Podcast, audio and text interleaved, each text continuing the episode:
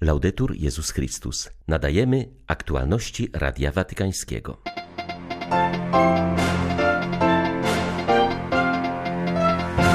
Watykan poinformował, że stan Benedykta XVI jest stabilny. Papież senior koncelebrował mszę w swoim pokoju. Krewne ukraińskich jeńców spotkały się z papieżem Franciszkiem, prosiły go, by pomógł w uwolnieniu ich bliskich.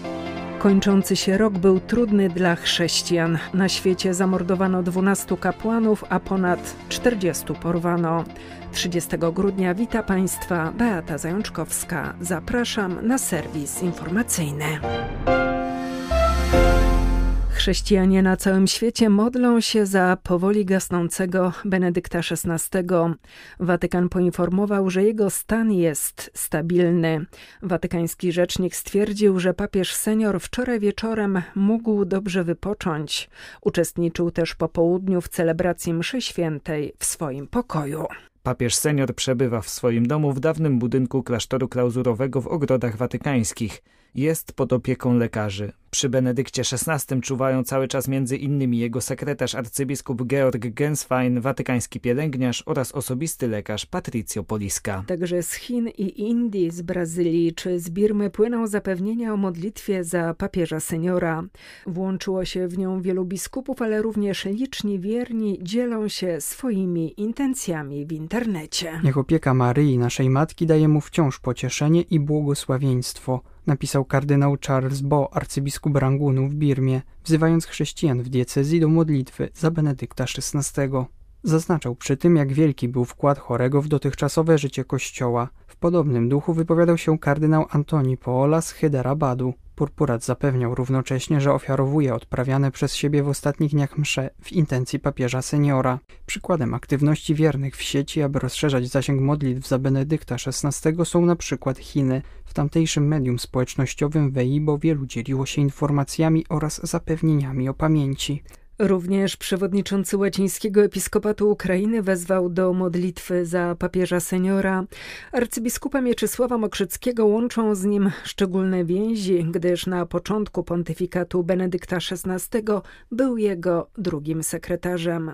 Hierarcha przypomina o jego wielkiej miłości do całego Kościoła, zwłaszcza do Kościoła na Ukrainie, za który Benedykt XVI szczególnie się modlił w ostatnich miesiącach. Byłem w Rzymie, Rzymie z okazji 30. rocznicy relacji między Stolicą Apostolską a Ukrainą miałem możliwość spotkać się z Ojcem Świętym najpierw na prywatnej rozmowie, a potem na kolacji. Ojciec Święty miał trudności z wymową, z mówieniem, ale można było go zrozumieć bardzo przeżywał tę trudną sytuację w Ukrainie. Mówił, że modli się, że rozmawia także z innymi, którzy do niego przychodzą, by wszystko zrobili, by jak najszybciej zapanował pokój w naszym kraju. I za to byłem bardzo wdzięczny Ojcu Świętemu. Żony, matki, córki, siostry oraz inne bliskie osoby żołnierzy ukraińskich przetrzymywanych w niewoli spotkały się z papieżem Franciszkiem, prosząc go o wsparcie. Przy tej okazji wezwały, aby nie zapominać o ich krewnych przebywających w niewoli rosyjskiej. Świat nie może spokojnie świętować Bożego Narodzenia, podczas gdy tak wielu Ukraińców jest torturowanych, mówi z bólem Wiktoria. Kobieta pochodzi z Mariupola. Osiem miesięcy temu jej mąż został pojmany przez Rosjan. Do dzisiaj nie wie, gdzie jest przetrzymywany. Wskazuje, że jeńcy często są pozostawiani w zimnie i bez jedzenia. Wielu z nich wzięto w niewolę podczas lata i dotąd nie było jak przesłać im odzieży na zimę. Nie mają także dostępu do tak bardzo potrzebnych im leków. Krewne pojmanych żołnierzy apelują o działania na arenie międzynarodowej. Szczególnie liczą na ONZ i Czerwony Krzyż. Organizacje międzynarodowe szacują, że Rosjanie mogli już pojmać nawet 15 tysięcy osób. W ramach dotychczasowych wymian jeńców agresorzy uwolnili 1300 z nich. Niestety, jak zaznacza Wiktoria, po okresie rozmów między rządem ukraińskim i rosyjskim za pośrednictwem mediatorów nastąpiła sytuacja, w której nie prowadzi się już więcej negocjacji. Pośród zaciekłości rosyjskiej agresji reakcja Ukraińców stanowi dla mnie znak Bożej aktywnej obecności, mówi biskup Paweł Gonczaruk.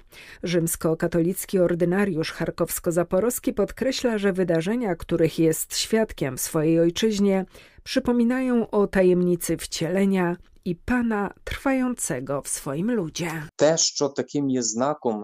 Takim znakiem Bożego działania jest żarliwy, gorący duch ludzi broniących naszej ojczyzny oraz żarliwy, gorący duch tych, którzy pomagają broniącym naszej ojczyzny. To duch narodu gotowego cierpieć i cierpiącego ból, ale rozumiejącego, że walczy, a także znosi męki, ponieważ ktoś chce zrobić z niego niewolnika, ubezwłasnowolnić, a następnie zgromadzić w jedną masę, gnając gdzieś dalej jako mięso armatnie dla zabijania innych.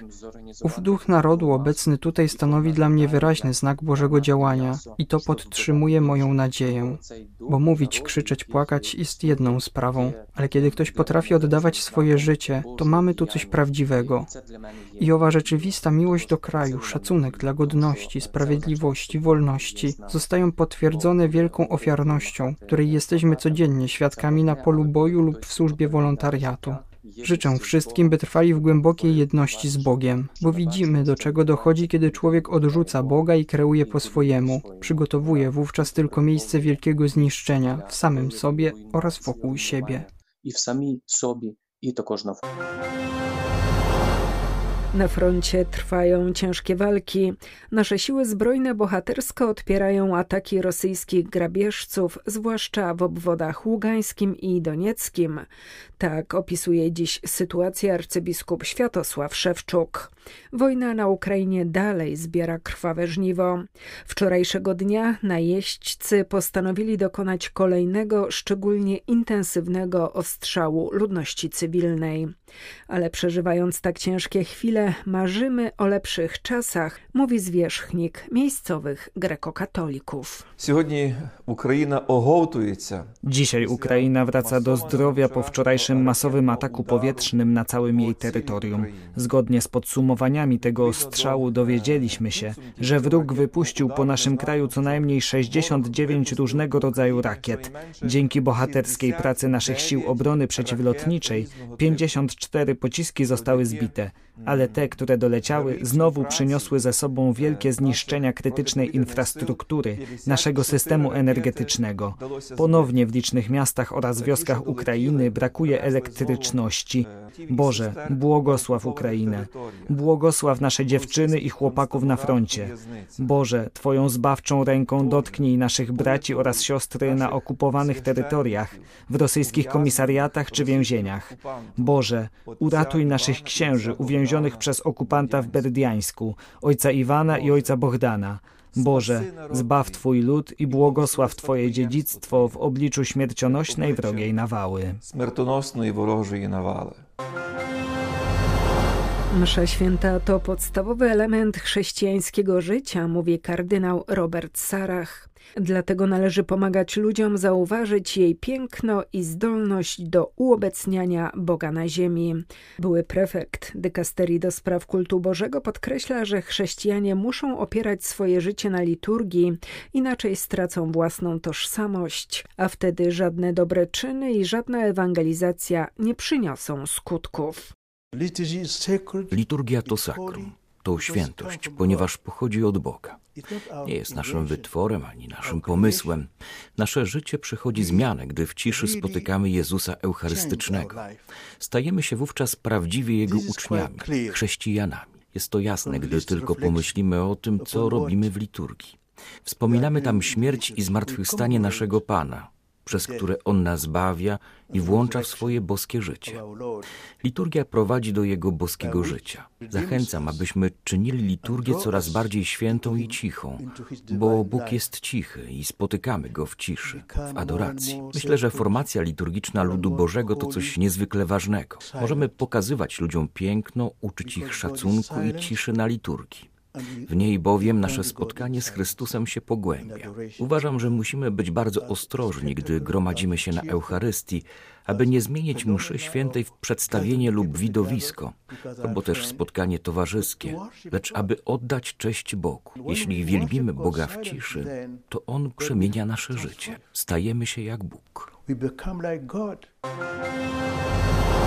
W mijającym roku zamordowano 12 księży i 5 zakonnic, porwano 42 kapłanów oraz 9 sióstr oraz aresztowano w ramach prób zastraszania ludności 32 przedstawicieli kościoła. Informuje o tym papieskie Stowarzyszenie Pomoc Kościołowi w Potrzebie, przypominając, że na świecie jest 400 milionów chrześcijan żyjących na ziemiach prześladowań. Ich sytuacja jest coraz gorsza. Formy zastraszania zastraszania ze strony rządów nastąpiły m.in. w Nikaragui, Erytrei, Birmie czy na okupowanych przez Rosjan terytoriach Ukrainy. Tylko w samej Nigerii z powodu swej wiary życie straciło 8 tysięcy chrześcijan. Alessandro Monteduro próbuje odpowiedzieć na pytanie, dlaczego wyznawcy Chrystusa są obecnie tak bardzo prześladowani. To jest najważniejsze pytanie, może także najtrudniejsze. Z pewnością dlatego, że chrześcijaństwo nosi w sobie jądro sprawiedliwości społecznej, która przeszkadza bojownikom różnych grup dżihadystycznych, terrorystycznych. Myślę tutaj o misjonarzach, ponieważ działalność misjonarska sama w sobie przeraża dżihadystę, bo rozprzestrzenia miłość, bo przyczynia się do stworzenia klimatu harmonii, dialogu, który stanowi odwrotność stylu życia społecznego przyjętego oraz narzucanego innym przez islamistycznego bojownika. W przypadku niedzieli wielkanocnej w 2019 roku na Sri Lance, kiedy wprowadzono bomby do trzech tamtejszych kościołów, skoncentrowaliśmy naszą uwagę na świątyniach, ale równocześnie trzej inni kamikadze weszli do trzech hoteli i się wysadzili. W tym samym momencie uderzono w wiernych chrześcijan oraz w turystów z zachodu przebywających wówczas w kraju. To pokazuje cel prześladowania. Dlaczego są prześladowani? Bo są uważani za sympatyków Zachodu. I to tym cięższa sprawa, gdy wspomnimy, że Zachód w obliczu ich cierpień odwraca wzrok. Otwarcie Jasnej Góry dla uchodźców z Ukrainy, poświęcenie Golgoty Wschodu i kaplicy Jasnogórskiej Matki Pojednania, wprowadzenie relikwii błogosławionego prymasa Wyszyńskiego do kaplicy Matki Bożej to najważniejsze wydarzenia mijającego roku w częstochowskim sanktuarium. Po pandemicznej przerwie znacząco ożywił się też ruch pielgrzymkowy. Dom Pielgrzyma był jednym z pierwszych miejsc włączonych w częstochowski system pomocy osobom uciekającym przed wojną, co miało olbrzymie znaczenie wobec ogromnej pierwszej fali szukających schronienia i pomocy, głównie matek z dziećmi. Pierwsi uchodźcy zamieszkali tu już na początku marca i z każdym dniem ich przybywało. Wielkanocne śniadanie spożyło tu ponad 100 osób. Jasna Góra pomyślała nie tylko o otwarciu dla uchodźców miejsc noclegowych, ale także świątyni. Już od 13 marca sprawowane są tu niedzielne msze w języku ukraińskim, a od 20 marca w kaplicy Jana Pawła II boska liturgia. Cały czas po ukraińsku odbywa się też spowiedź. Nadal przygotowywane są transporty z pomocą. Zdaniem przeora Jasnej Góry ojca Samuela Pacholskiego zdajemy egzamin z pomocy bliźniemu. To mnie bardzo cieszy, bo to znaczy, że te wartości, którymi żyjemy na co dzień, ta relacja do Chrystusa i do Maryi, która nas do Niego prowadzi, została zweryfikowana. Rzeczywiście jesteśmy ludźmi, którzy czerpią siłę z miłości Pana Boga i potrafimy budować mosty, prowadzić dialog z tymi, którzy po prostu oczekują od nas pomocy na różnych poziomach życia. Także tegoroczne piesze pielgrzymowanie było wielkim błaganiem o pokój. Przyszło aż 265 pielgrzymek, a w nich ponad 74 tysiące tysiące pątników. Szli również sami uchodźcy. Mnie podobało się, dużo było bardzo modlitwy. Było bardzo dużo modlitwy i też był taki czas, kiedy można było spotkać Pana Boga, szczególnie właśnie też w tych osobach, które szły, ale też osobach, które nas spotykały, gościły i przyjmowały. Dziękujemy polskiemu narodowi za, za підтримку Ukrainy. Dla Radia Watykańskiego Izabela Tyras, Biuro Prasowe Jasna Góra News. Były to aktualności Radia Watykańskiego. Laudetur Jezus Chrystus.